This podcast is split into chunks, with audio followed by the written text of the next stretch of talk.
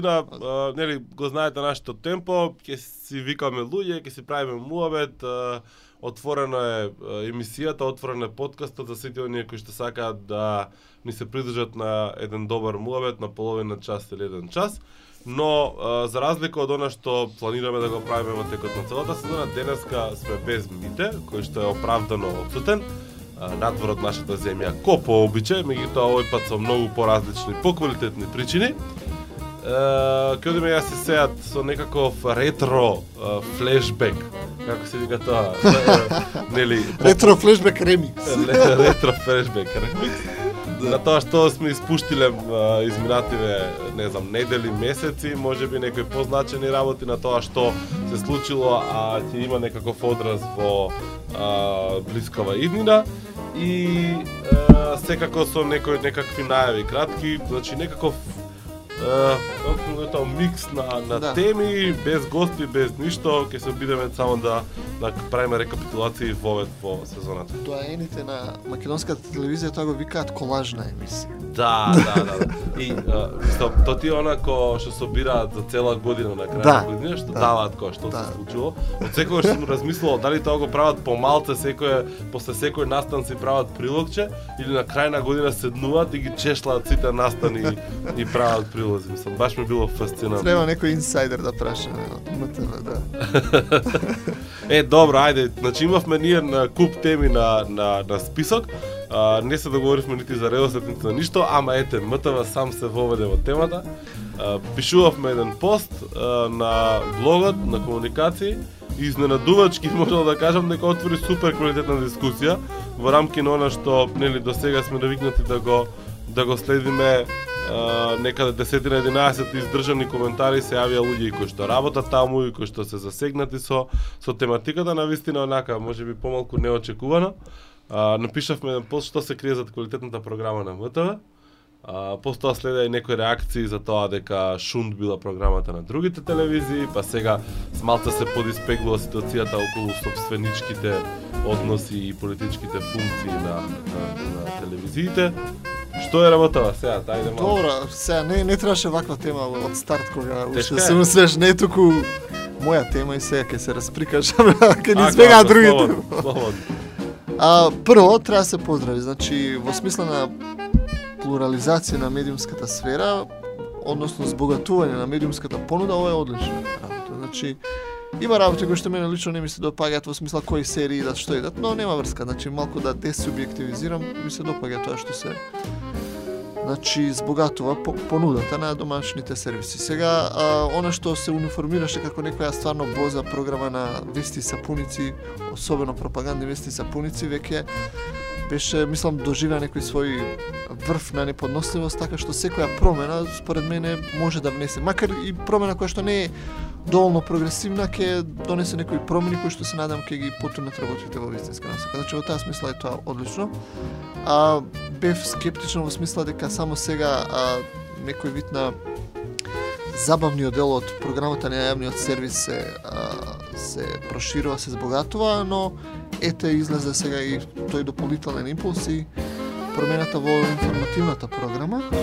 Забележав покрај нели редизајнот и промената во составот на уредничките тимови и така натаму на јавниот сервис, еме сега да ми зголем број на документарци преработени, убаво синхронизирани, така што тоа е се за поздравување. Се разбира, има и многу да речеме работи кои што може да се оспоруваат, критикуваат така натаму. Јас ете тебе може да ти дам збор. Прво, гледав неколку издања на на вистина се потешко гледам домашни вести од смисла на нивната презаситеност од некој вид на веќе тоа не е ни пропаганда, туку да рециклажа на на ефтина полуплатена платена политичка програма, како и да е, значи се седнав гледав внимателно, онака добро намерно аналитички, критички. Имаше во немекот, за жал премногу технички грешки. Сега дали тоа во смисла иде прилог, не иде прилог како во оние за Да. на топ листа на адреналиста скечеви. Иде Па не знам, да, подоста ќе гледаме, а, самите презентери доста се уште не уиграни во смисла, а бидејќи фокусот на вниманието на публиката секако врзни, дали читаат, не читаат, идиот, хартија, такви некои работи, значи ми пречи, а расипува од впечатокот. Сега тоа е можеби некој вид на секундарен, терцијарен впечаток, ама е важен, важен кога вие во некој телевизиски продукт сакате на вистина да се внесете, да не да уживате, туку така да го спонтано да го да восприемете, тоа тоа пречи. Така што во тој технички дел има уште многу пардон работи за подобрување, така што се надевам дека тоа ќе биде. Како сме уиграни, ја кашлам сега вика пардон, мислам. Да, да. тоа- е тој тип. Да. Да, нашиот најредовен слушател а, Ванчо Ордановски веднаш не се Кој е приклучи во неговиот можот да вели ја као вечен чиник ич не верувам дека промените во МТВ се со добри задни намери. Мислам ние се оградивме тоа да дискутираме кои се намерите, се обидовме да наметнеме неколку неколку можни е, предпоставки. Меѓутоа, збогатувањето на, на, на, на етерот македонски со квалитет, поквалитетна продукција, да речем програма, Да. продукција. Продукција е добар збор, да секако позитивна работа. Значи, долго време кукавме мртава, треба да биде вака, треба да биде така. И сега, кога нешто се, се поместува, да не бидеме сватени погрешно дека поддржуваме една или друга политичка опција. Значи, не зборуваме за политички опции, зборуваме за технички изглед на, на, на, на еден медиум и подобрување на квалитетот по него. Значи, не велиме дека треба да биде стандард, бла бла бла, дека треба да ги поставува нормите и ете сега почнува да да инвестира во некои ствари, може и фудбал ќе пушта плачат луѓето на Може и повеќе од една вечер ќе гледаме, да. Да, така да ќе видиме, мислам во секој случај интересно, дали ќе која ќе биде крајната цел, неа неа стварно апсолутно појма. Мислам крајна цел се надам дека е малку подобар квалитет на на медиумската сцена, па макар и по цена да манипулацијата биде по-софистицирана. Да, да, да. Значи дека има манипулација, дека има а, нели она пропаганда апсолутно тоа никој не очекува дека ќе го снема. Меѓутоа се надевам или посакуваме да биде на некој по високо, по софистицирано ниво, Да. да не биде нели Апла Латас или или е, Миленко. Олу стари играчите на Да. македонската пропаганда. А, една работа која што јас ја спомнав и во самиот блок и во комен- а, блок пост и коментарите е колку е финансиски одржливо, дали ќе има кондиција МТВ вакви програмски шеми да одржи и тие се со висока продукцијска вредност, за сега како што се гледа, дека е тоа вложено, сега ќе видиме колку тоа ќе додржи. Јас сум секако здрав скептик во смисла на некој вид на политичка добронамерност, дали тоа ќе се припише како политичка заслуга за видливи реформи на јавниот сервис, не знам. Дали е ова, мислам, еден вид на инвестиција во јавниот сервис во очи некакви се избори, не знам дали некој политички партира. тоа, навистина да не ме интересира, како што спомнах ти, како граѓан, како добронамерник, а, ако се помрдат работите во продукцијска смисла, да се зголеми нивото на продуцирање, произведување на содржини во македонскиот театар и во електронскиот медиуми, тоа ќе биде добар исчекан. На другите медиуми, ако повлече во таа продукцијска смисла, во смисла на исчекот на во професионализација на правење прилози, на овозможување дебата, на баланс на информации, а приопштување, не знам, на актуелни серии, програми, документарци кои што се навистина во духот на времето во кое што живеем, тоа што е во ред. И ако тоа барем малку ги повлече другите комерцијалните медиуми, ќе биде некој некој битно позитивна промена. Сега политичкиот контекст не би го коментирал, секоја тука тие ќе се мешат, нели, целото општество не е такво. Но ние ете гледаме барем некој позитивен аспект да фатиме да го охрабриме и тој некако како јавност да го пофалиме во смисла ете тоа е добро, дајте и во тоа малку појаче, ете што се вели. Добро, ја не можам да да вадам некои детали тоа што што исто што ми се допаднало конкретно околу изгледот на МТВ, што да видам мислам телевизија, ретко гледам, а погледам Гледам пат дури кога ми стана се ово интересно беше моментот кога после прослава да не гледав прославата а, за за нели независ денот на независност на Македонија и одма после прославата ми беше дури онака како наместено ми изгледаш имаше најава за Big Bang Theory, за Big Да. Bang Theory. И тоа беше као вау, чекај малце, ово изгледа некој не зеза сега не мести нас. Да. Гиковите седнати на, на, на да гледаме, да телевизија и така натаму. Веднаш, значи, апелот ми или аманетот на водителите кои што беа во првото издание на реформираниот дневник. Бранка Станковска, за, значи, мисијата не е Бинг Бенг, туку е Бубалица. Стварно? Да, да. Така е преведено? Да, да. Имаше некои дискусии прашање на Твитер зашто и сами излогициравме дека неки а, B92 ја откупи оваа програма и ја преведе со штребери, што Аха. во белградски жаргон е факто бубалица, мислам дека таа повлијало по таа некоја линија да биде бубалица, а не да биде некоја Big Bang теорија. или Добро, а нешто како би било на македонски Big Bang теорија, буквален превод? Како ја викаме ние таа теорија? Се уште гласе во во учебници стои Big Bang. Стварно? А, б- Теорија на големиот прасок или Big Bang, така мислам. Аха. Големиот прасок сега. Теорија на Прасок. па, Bang. значи нешто која ќе. Да, да, окей. Ќе се преферира некоја Да. следниве теми? Да, повели. Мислам А. дека само да сумирам ако може, Дарко, значи добро наменици уште гледаме, пазиме и се што ќе ни пречи ќе троламе. Да, мало подсетување, значи ако не слушате и ако сакате да се вклучите во дискусијата, а, користете ги користете го хаштагот Comcast во било која негова варијанта, ги следиме сите три, значи на крилица Comcast, на латиница Comcast или Comcast, со две к како сакате. А, тука сме во живо сме, а понатаму ќе го качиме целиот подкаст и на комуникација.net блогот. Слободно може да не се приклучите, односно вклучите во во моментите во ќе искоментираме, пренесеме и ќе изврчиме насака. Така е. А, додека сме кај МТВ, да не промашаме една подтема, малку само ќе се задржам на тоа, и тоа е нели овој рокот истекува сега, што Совез за радиодифузија им го даде на а, радиодифузијето, тоест на електронските медиуми да ја пре да се ја средат собственичката структура во склад со членот 11, кој што е забрано значи јавни личности Да. председатели на партија, не знам се што и да е, како што таму стои, а, и три медиуми беа проблематични, Сител телевизија, Канал 5 и Канал 77 радио, кој што има национална дозвола за емитување. Сега само да искоментирам, значи, што се случи, значи, Канал 5 уште ништо конкретно не направило, имаше некои Ја разбрав се кара на кој што да Да, едната, едниот муавет беше дека се карале, другиот дека Орка ќе купил наводно и тоа беше нешто демонтирано, значи они уште крчкат имаат денес и утре тоа да си го средат, Аха, аха. што е доста вака комично. Потоа, а, со Сител, јас сакам јавно да ги искоментирам дека тоа беше жива смешка, они што направи, као наводно си го решиле проблем. Значи, суштината на членот на 11 од Законот за радиодифузија постоечка 2007 е дека значи јавни функционери, пратеници, вклучително и политички партии не смеат да имаат Да. медиум.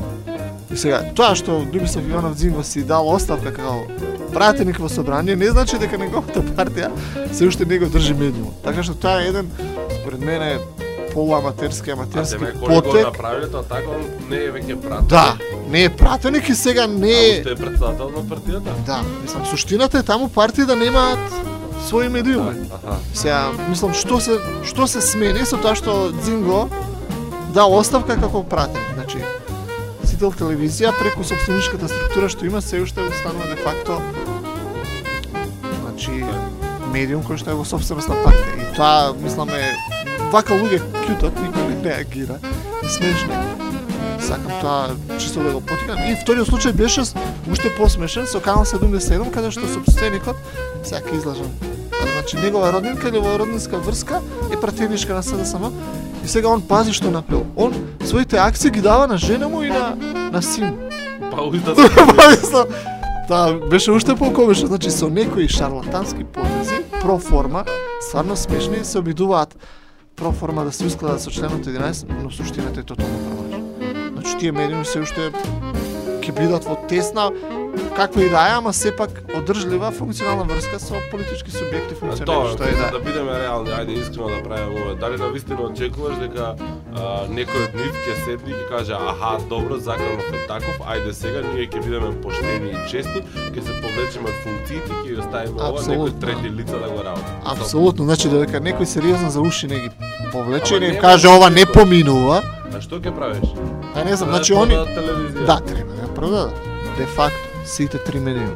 Они сега сигурат нати му го дај ми го во, во рамките на семејството за кого што не знам таму си која комисија уште не е дефинирала што е семејство. да да, да, да, да, уште се расправа. Да Да, да. Значи Да, смешно, само да. сакав тоа као да кажам мене од страна као човек кој што од некоја си научна гледна точка тоа го гледа стварно е смешно. И сега де факто тоа се големи теми во медиумите, ама шалабајзерски проформа се Кога сме више на тема купување, продавање медиуми и избавување на орка, има една работа која што се случи пред некое време. Влегува во категоријата летово. која што е за мене многу голема, барем така јас ја видов, а, допрва ќе треба да видиме дали на вистина била толку голема ја мислиме, а тоа е а, Телеграф РС или интернет груп или како да се викаше, значи компанијата што стои за, за тој сајт, а, купи 50% од, од МПМ, односно од графички центар, од печатницата која што во меѓувреме станала всушност мајка на сите други подфирми под МПМ, односно Медија Македонија, да бидам постикови, вечер, утренски, а, вест и теа модерна и печат. Не вечер, извини. само Не тоа. вечер. Да. Леле, Добро, добро. Дневник, вест, утренски, Теа модерна. и тие печатници, Да. дистрибуции и така натаму. И сега интересниот момент е што а, интернет груп за за воја на вистината познавам лично некои од луѓето кои што се вклучени во целата приказка во интернет груп, кои што работеа на на техничкиот дел на оптимизацијата на на а, нивните сајтови и на другите услуги што Да. нудат. И баш ми е интересно затоа што има таков свеж нов пристап, оној баш онлайн пристап, а, третираат малку поразлично вести колку што јас знам барем од она што успевам да го да го дознаам од колегите, морам да признам дека не сум редовен читател ти на тој на тој сајт. Ако од. А, меѓутоа она што не успева луѓето да го прокоментираат јавно или барем ја не успеав да го видам никаде и покрај тоа што Дневник си објави фино едно едно писмо во кое што беше официјално објавено и преземањето и купувањето и да, стратегијата, целта дека ќе прават вебсайт, оној фамозен вебсайт на ЕПМ кој што со години едно стотици луѓе го имаат правено и преправено и така натаму и дека ќе има 24/7 редакција и дека ќе работи во и така натаму. Се тоа супер, браво, секоја чест допрва да видиме дали тоа нешто ќе биде, дај Боже нешто ќе биде. Меѓутоа интересен е моментот што многу малку успеваат од луѓето да или да дознаат или може би не ги интересира или можеби намерно не кажат дека всушност зад а, тој интернет груп стои Comtrade, една голема фирма која што а, е доста зано, замашна да кажам и во Македонија и во а, и во а, Србија и во регионот кој што се занимава со развој на софтвер, со продажба на хардвер и така натаму која што онака доста добро а, поминува и на македонски тендери барем од она што ние го знаеме во минатото или сме го чуле во минатото познатите кинески компјутери на пример. И сега, а, супер е тој потек, значи, ако тоа почнат да го прават, и тоа би очекуваме да биде уште еден потек кој што конечно а, да кажам после долго очекување ќе се случи и ќе се обиде да влие да ги натера другиве онлайн медиуми да бидат малку посериозни, малку поквалитетни и да внимаваат во исказот и да бидат малце по Да. а, по новинарски ориентирани, а не да бидат по трачарски ориентирани, пошто Да. очигледно интернетов ги изеде новинариве млади и постари во последно време. Буквално, но мислам не ви додал ништо. Стварно, о, з- зголемувањето на бројот на интернет информативни портали медиуми на вистина многу многу негативно влијаше врз квалитет. Тоа е, мислам, жална приказна. И сега излезни решенија, едно од ова е може, значи да се појави нов играч на пазарот кој што малку од малку, значи ќе промовира поинакви принципи на работење, значи интегрирање на интернетот, тоест на различни онлайн сервиси кои што ќе ќе го с- ќе ги споја добрите страни на интернет со добрите страни на да речем не класичното новинарство, но професионалното новинарство. Да, да, да. Така што кој да го направи прв тоа на вистина ќе биде Добро, во секој случај бара знаење, бара долготрајна инвестиција, покрај што покрај тоа што интернетот е поевтин како медиум, Да. сепак бара финансиска инвестиција и истреност. И она што ми е многу многу многу важно, а не верувам, мислам најпесимист сум во овој поглед е бара препознавање од публиката и од и од огласувачите, значи од маркетинг сферата, Да. што мислам дека е една од потешките предизвици. Значи да, добро, има луѓе се обидува со квалитет. Значи пример беше МКДМК на Сашо Дамовски, кој што излезе како пристојно мало сајтче спакувано со фина новинарска екипа, почна да пласираат два типа на информации, анализи сериозни, квалитетни, некакви убави и трачарски вести од типот кој што знаат искусни и квалитетни новини да го прават тоа. Да. видоа не видоа дека всушност овие другиве потешки содржини никој не им ги чита, никого не го интересираат и се префрлија да бидат многу подоминантно такви трачарски рекла казала или сензационални во своите во, во, своите, во своите објави. И сега нормално, тука е прашањето на кондиција, колку а, медиумот ќе биде желен, свесен а, и издржлив да го изоди тој пат, да малце гради кон тој однос, колку а, публиката ќе го ќе го почитува тој, без разлика колку и да е мал број треба да даде знак дека го почитува тој, дека го вреднува. И на крајот на криштата колку огласувачите дека го видат тоа. Сега можеби нив не им се битни а, 5% од или 10% од читателите, меѓутоа поврзаноста на луѓето со тој медиум, довербата што ја градат е секако различна и вниманието што го посветуваат кога ќе дојдат на еден сајт е секако многу поразлично од колку секако. отколку на некој сајт кој што тотално не ти е битно кој е, што е, пошто и овака и онака секој божи ден никнуваат сајтови копи еден со друг, си преземаат содржини, си крадат, а, си деца кои што никој појма нема кој се, што Да. се, како се, направиле сајт, мислат дека направиле Господ знае што и така натаму. Мислам, некако е, печурки никнуваат. е, Онака едно време јомла беше, джумлата беше као предуслов да имаш е, фан портал, забавен портал, е, копија некаква груба на оннет, денешен офнет или оннет, како сакате.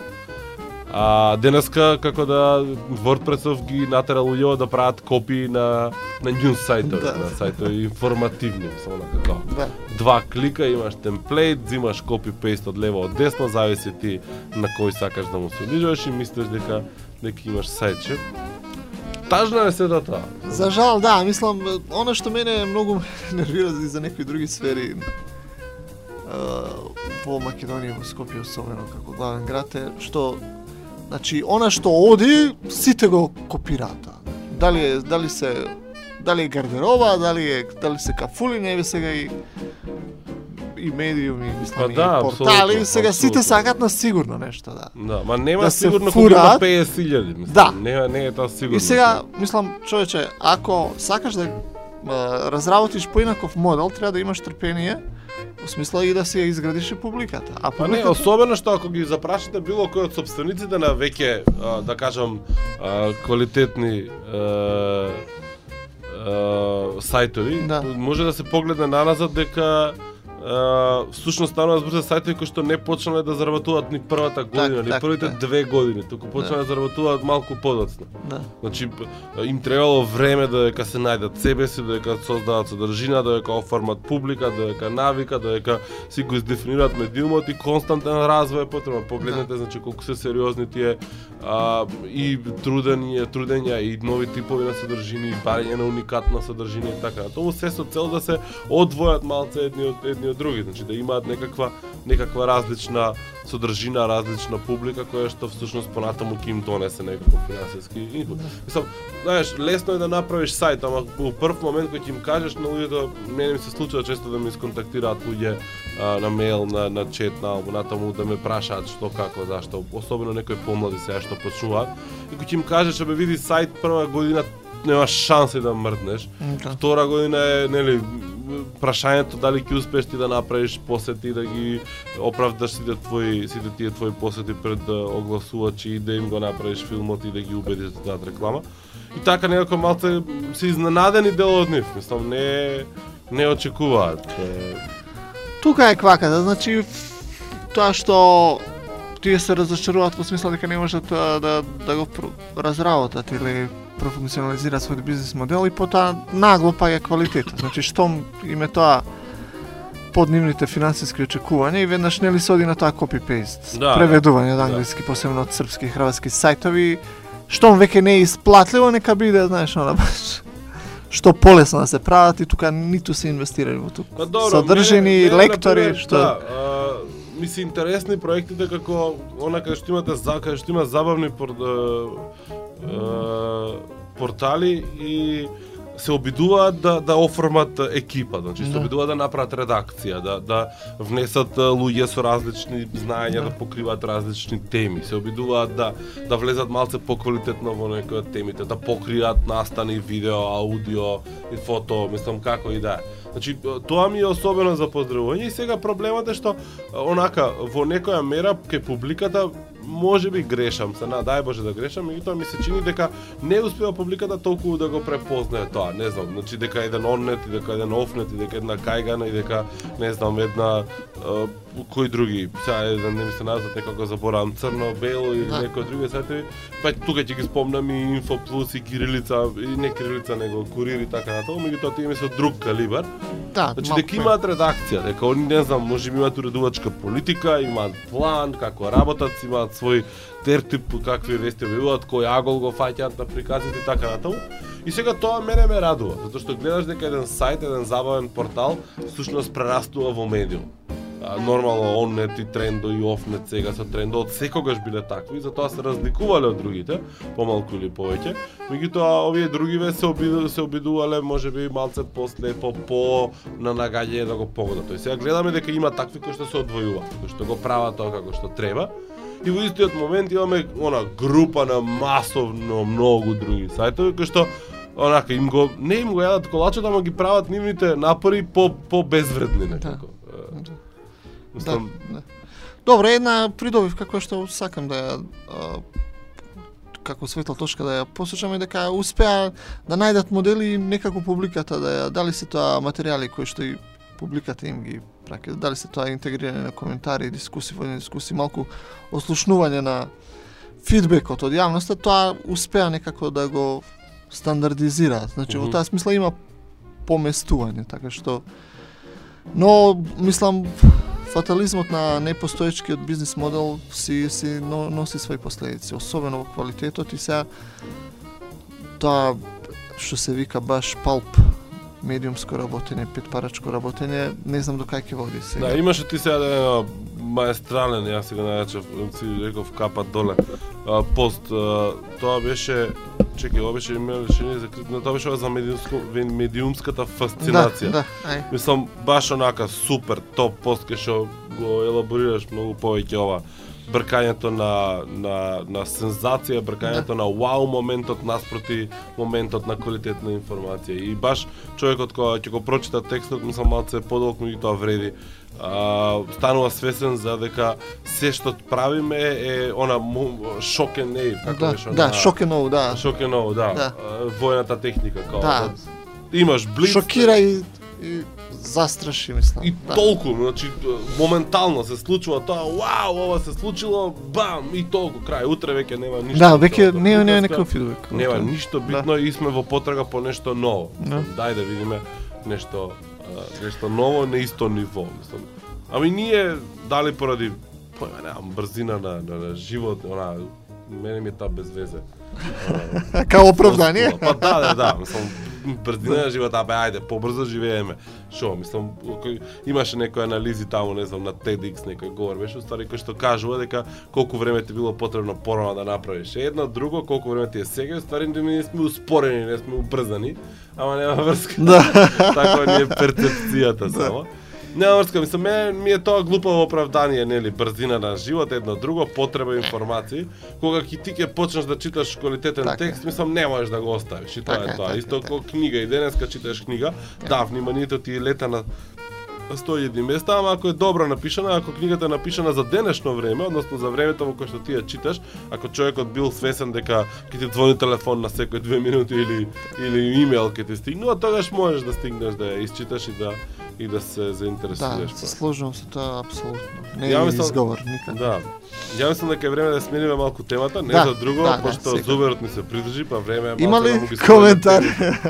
Нема ништо, само дека не ми го познал гласот, мислам. Ете тоа. Добро, зарипнате Не, Дарко малку. реален слушател, ме сваќаш. Да. Дека слуша од почеток, сега се вклучува и не служил, не слушнал дека Да. сум настинат. Нема врска. А, добро, из позади нас имаше а, празна а, сезона на настани, летни. А, многу твитапи, многу кафани, доста раздвиженост во твитер сферата, односно во твитер заедницата во Македонија. Стаа стана мейнстрим, меѓутоа мейнстрим стана и уште еден сервис, ако од ова следниот податок го прави мейнстрим. Сега ти ќе ми кажеш, дали тоа што политичките партии почнаа да користат Инстаграм, го прави овој сервис да биде мейнстрим. Полека се префрлуваме Да, мож, тоа тоа важи за Македонија. Значи што политичките субјекти влезат во некој медиум, готово. Тоа веќе не е, не е алтернатива, не е нешто што е, ал, мислам, онака, хипстерско, значи, готово, веќе, веќе Инстаграм се е моли дел. последниот хипстер да го напушти Инстаграм, да. да. само дојдат таму. Значи, нема више ниту тру, трошка од хипстерство во Инстаграм. Да. Ја не сум видел што прават они на, на Инстаграм, само разбрав Ја дека не ги следам, ги да. видов акаунтите, не ги следам, ама ми, ми интересира Баш. што прават, баш ќе ја разгледаме да не може ќе напишеме некој пост. Може има нешто од денес од протестите пред парламент. Какви Беше, па имаше нешто протести, контра протести. Па побара, Да. ќе најдеме. Беше доста жестоко, ќе видиме, да. Да, у принцип, ете, Инстаграм стана стана мејнстрим, нели помалку или повеќе, а, можеби заради купувањето на Facebook, заради нормално влегување на поголем број на паметни телефони, поевтин, попристапен интернет и така натаму.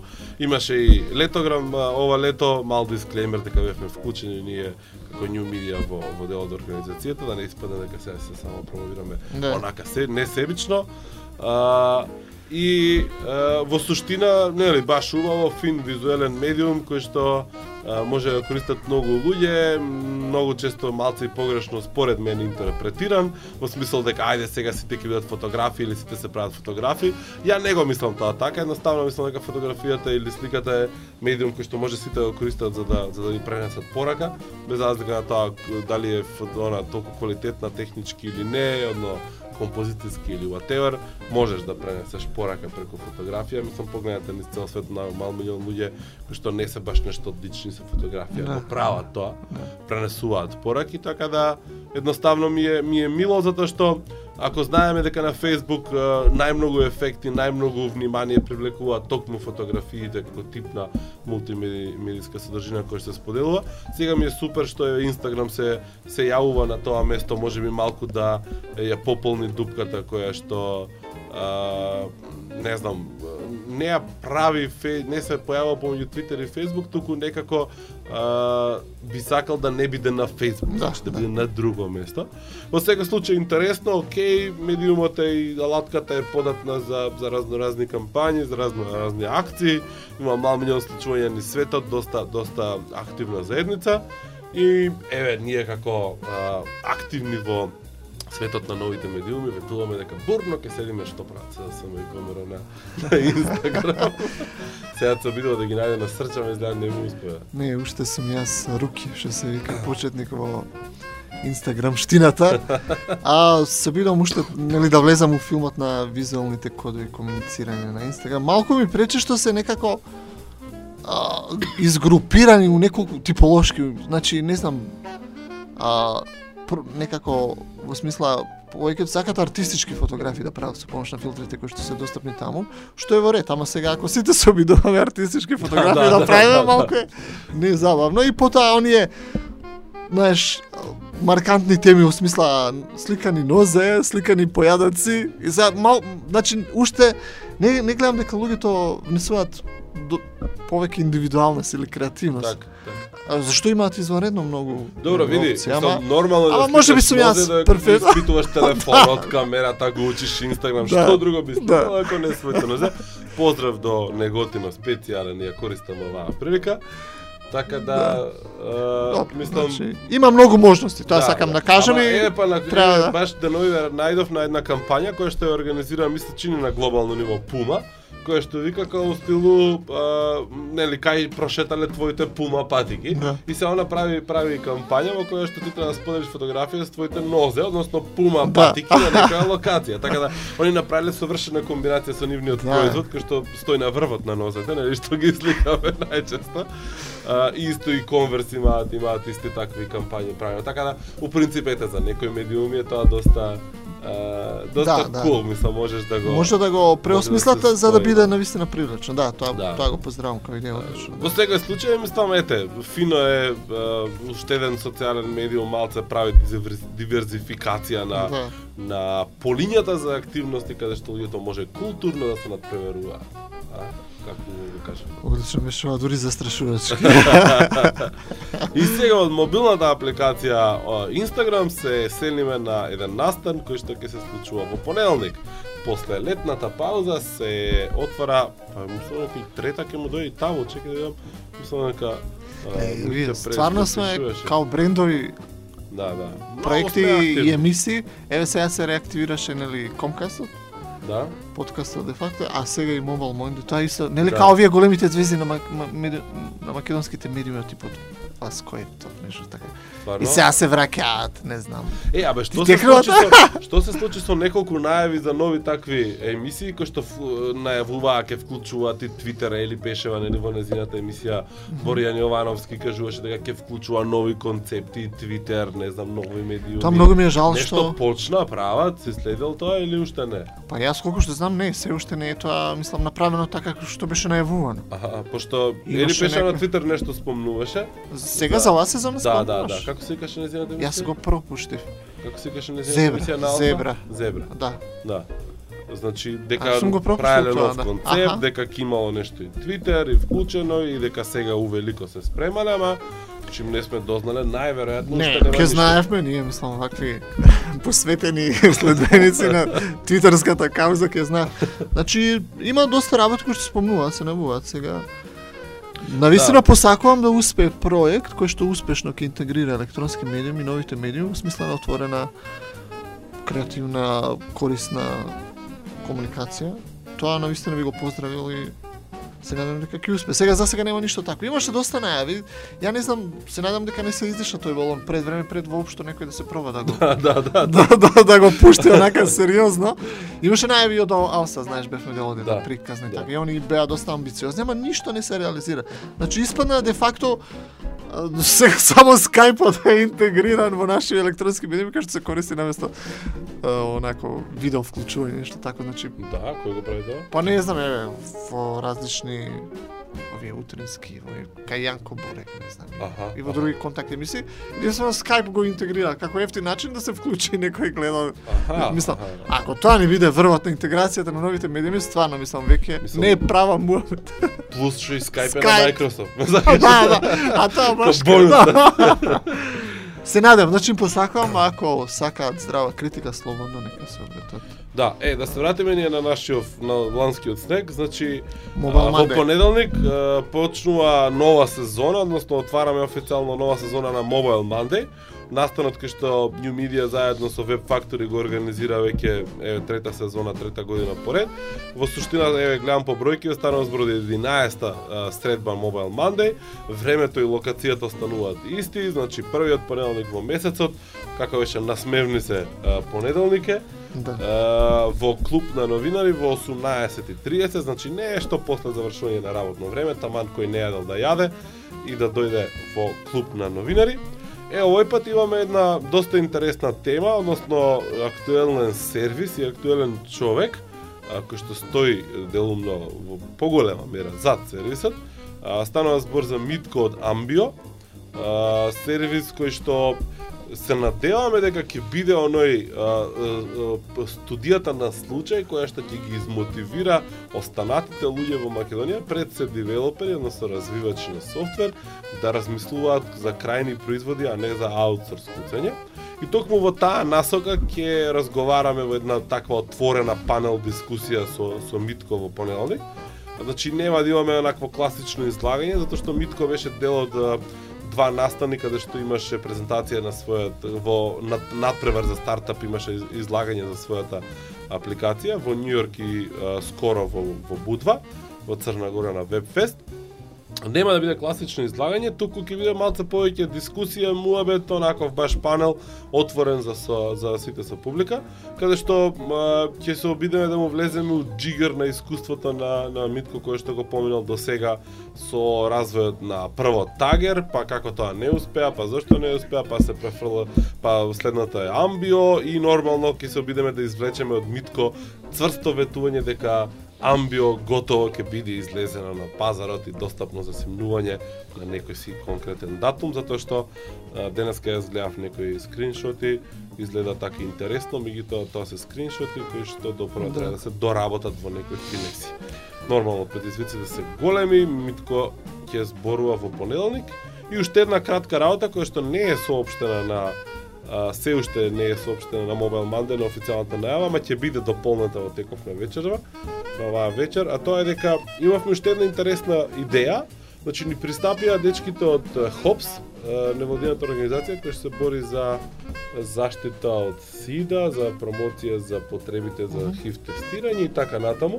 И мислам дека за геј заедници нешто има работа тоа. Да, не знам како точно им се вика толеранција, да. Мислам дека промоција на бла Да. бла бла.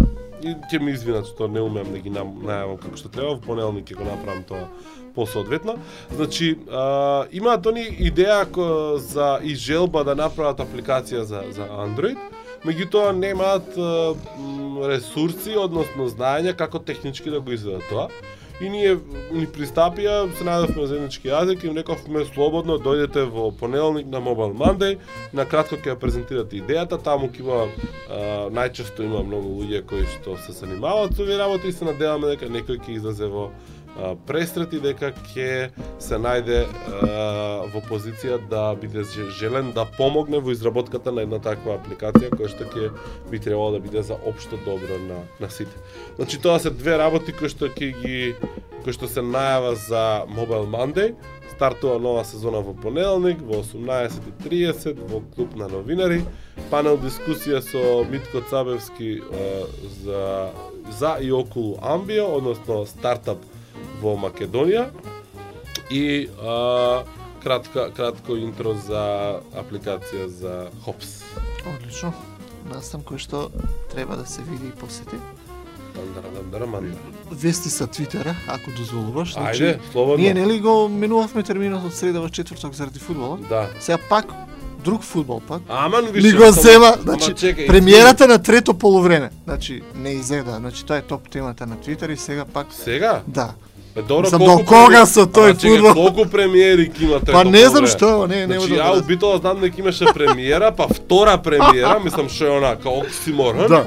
И сега имаш скопска премиера, па скопска втора. Ајде, Ај, не, се го претера. молам, мислам. Го претера. Ало, Ова- пред почетокот ова више не е трето, е шесто полувреме. се дешавало фудбал, бре. Добро, окей, мислам, окей, темата ќе го гледаме филмот најверојатно. Лош фустан, лошо Да. деколте, лош, што е, абе, ано, пе, добро. до кога? Еве ги се вратили Twitter баскетджиите назад.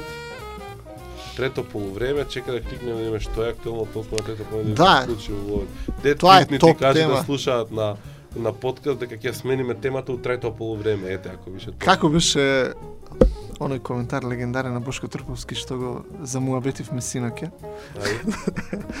Значи во некоја емисија во живо Бошко Трпевски кажува, те молам, парафразирај, јас сум очаен Значи, да. Бошко не е во живо, емисијата е снимена и Бошко вели. Не, не, «Еви ги». емисијата оди во живо, Не. ама тој го кажува следното. А кажува, Не, не, не, емисијата е снимена. се снима, ама ја оди во живо. Добро. Да, не. и сега тој кажува, Вели, значи, а звони слуш- телефонот во живо, Еве ги слушаме телефоните од звона, но ве молиме немојте да вртите затоа што емисијата а, оди оснимана и не може да ви одговориме. Нешто од тој фазон. И вчера се обидувавме да математички да ја поставиме на кој ниво на реалност е тоа, да. Не, значи дефинитивно емисијата на спортската емисија, спортското студио на тогаш, мислам на Сител, одела во живо и тој го кажува тоа, дека иако звона телефоните, ние не можеме да ви одговориме затоа што емисијата е снимена. Аха. Тоа се, значи, ние во тој фазон ќе кажеме дека нашиот аргумент е А, Канал 5 има црвен килим од трето полувреме, луѓе гледат на телевизија, бе. Тоа тоа е настаната бе. Значи, пак И фудбалот не е- И после не пак фрли на дека маргините. Телевизијата не чини дека немала влијание и што и да е. Мислам, ве уби тоа телевизијата. Аман, аман. Пркнете малку. Да, да видам што имаме уште нешто за Имаме ли уште теми за Па покривање? имаме само уште да најавиме вебит дека се ближи, дека повторно некоја екипа од Македонија се спрема да да појде таму. Вебит е настанот кој што до лани се случуваше 3 или 4 години поред во Софија, оваа година се сели во Истанбул, Турција. А, поголем а, со повеќе говорници, во очекување сме и на подобра програма, за жал јас нема да одам, некако решив дека е, не можам да стигнам да појдам на овој настана и да бидам искрен лани некако програмски не ме воодушеви. Така да е, некако Истанбул ми се биде предалеку за, за тоа. Не, тоа скриен, скриена одбивност кон турските продукти. Не, апсолутно не, особено што не сум бил во Истанбул, а сакам дода. Се шегувам. Не е скриена одбивност, туку е скриена одбивност кон настани каде што има премногу бројки, а ниедна бројка не те тангира тебе, односно Да, не ти е да, воопшто да. битна за твојот пазар и за твојата работа и кога гледаш такво нешто ми е онака малце а, надвор од, од здрав контекст. Мислам сега не дека настанот е лош, на напротив, меѓутоа едноставно за ние како публика а, ми се чини јас како публика не сум со соодветната за да да биде таму. Доаѓајќи од Македонија пред се, затоа што бројка за Македонија нема, ако ја има ќе се ја знаевме. А, и тоа е тоа. Мислам, она што може во тој контекст да го кажам, една од организациите која што стои во позадина на, на овој а, настан на Вебит, станува збор за интернет, интерактив адвертайзинг биро, односно бирото за интерактивен адвер, о, интерактивно огласување. За пред се се мисли на на огласување на интернет. А, конечно има своја подружница или организација и во Македонија, стана збор за IAB EIB или IAB, гледай искршив. ИАБ Македонија, а, кое што а, се основаше конечно после долго време, а, има свој тела, органи, заседава и ќе почне со активна работа во многу во многу е, скоро време, значи веќе се подготвуваат некои први чекори и е, за таа цел може би некој од следните подкасти ќе имаме Савица, иницијаторот и председателот на ова здружение кое што е во моментов работено во ХТТП Македонија, како гостин, па ќе поразговараме малку повеќе на на таа тема. Во секој случај тоа се едни такви убави позитивни вести, а, иако генерално кога некако една една фела а, се здружува во некакви организации во Македонија, тоа не значи ништо, најчесто тоа е завршува како некој фиаско. Овој пат некако не знам, може би дека сме инволвирани, може би дека сме вклучени, имаме многу по оптимистички, по ведри а, очекувања од сето тоа, пред се заради тоа што интересот е на сите три страни, во смисол на огласувачи, медиуми и а, агенции, за да може да се донесат повеќе пари за сите а, да има на, на интернет и работата на, на интернет. И за медиумите, и за огласувачите, и за повеќе ефекти за агенциите, по квалитетна работа и по задоволни клиенти. Добро. Дали ќе превршуваме колажната емисија? Ќе превршуваме колажната емисија, ќе завршиме со трето полувреме. Да. Футбал, мислам, Ова веќе не е ни трето, седмо полувреме. седмо Како што полувреме, што е ова? Да. Добро, значи ние го имаме адутот на тоа дека може да не гледаат, тоест да не слушаат, пардон. Апсолутно. Одложено. Значи, комуникација.нет подкаст во живо на Радио МОВ, сега за сега во четвртак во 8 саат. А, можно е повторно да го промениме овој термин во обид да избегнеме повторно фудбали и слични такви глупости, ама дајте ве молам више кажете кога нема фудбал. Во спротивно, значи веќе истата вечер или следниот ден и сутрина, зависи од тоа колку ќе колку ќе бидеме брзи, може да си го преслушате или симнете подкастот на комуникација.нет кој се црта подкаст. Планот е значи во наредните подкасти да имаме носечка тема и така. Ви благодариме за вниманието, за вниманието. Срдечни поздрави од топлото студио на Радио МОВ, кое што овој пат многу покомотно не вдоми и ќе не вдомува од сега па натака. Благодариме.